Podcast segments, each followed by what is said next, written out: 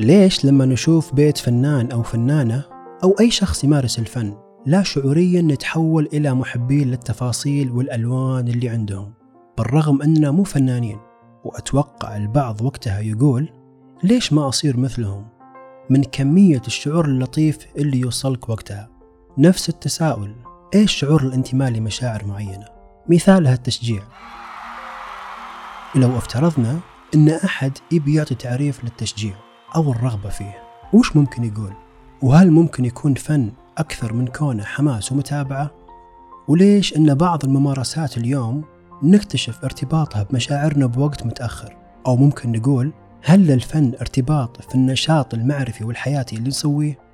افتراضات تأخذنا إلى سؤال هل ممارسة الفن اليوم جزء مهم في حياتنا؟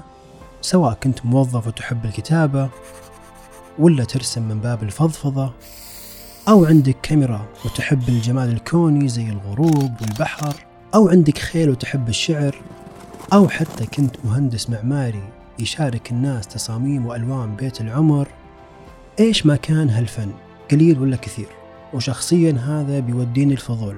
هل تقدم العمر فقط بالرقم؟ أو أن الروتين له دور مهم في حياة كل شخص؟ سؤال بنقدر نتعرف على جوابه مع بعض. بالتحديد بعد سماعنا لكل حلقة. مواضيع زي كذا وأكثر. بنسمعها في بودكاست اسمه سوق الزل.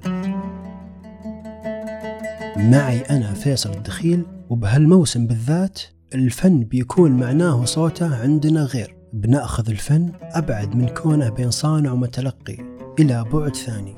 ممكن نسميه اجتماعي. بنكتشفه مع بعض في حلقاتنا اللي بتتنوع بين شخصيات تمارس الفن وبين مواضيع الفنون السبعة. إلى ما نوصل لآخر عوالم الفنون عالم السينما والأفلام.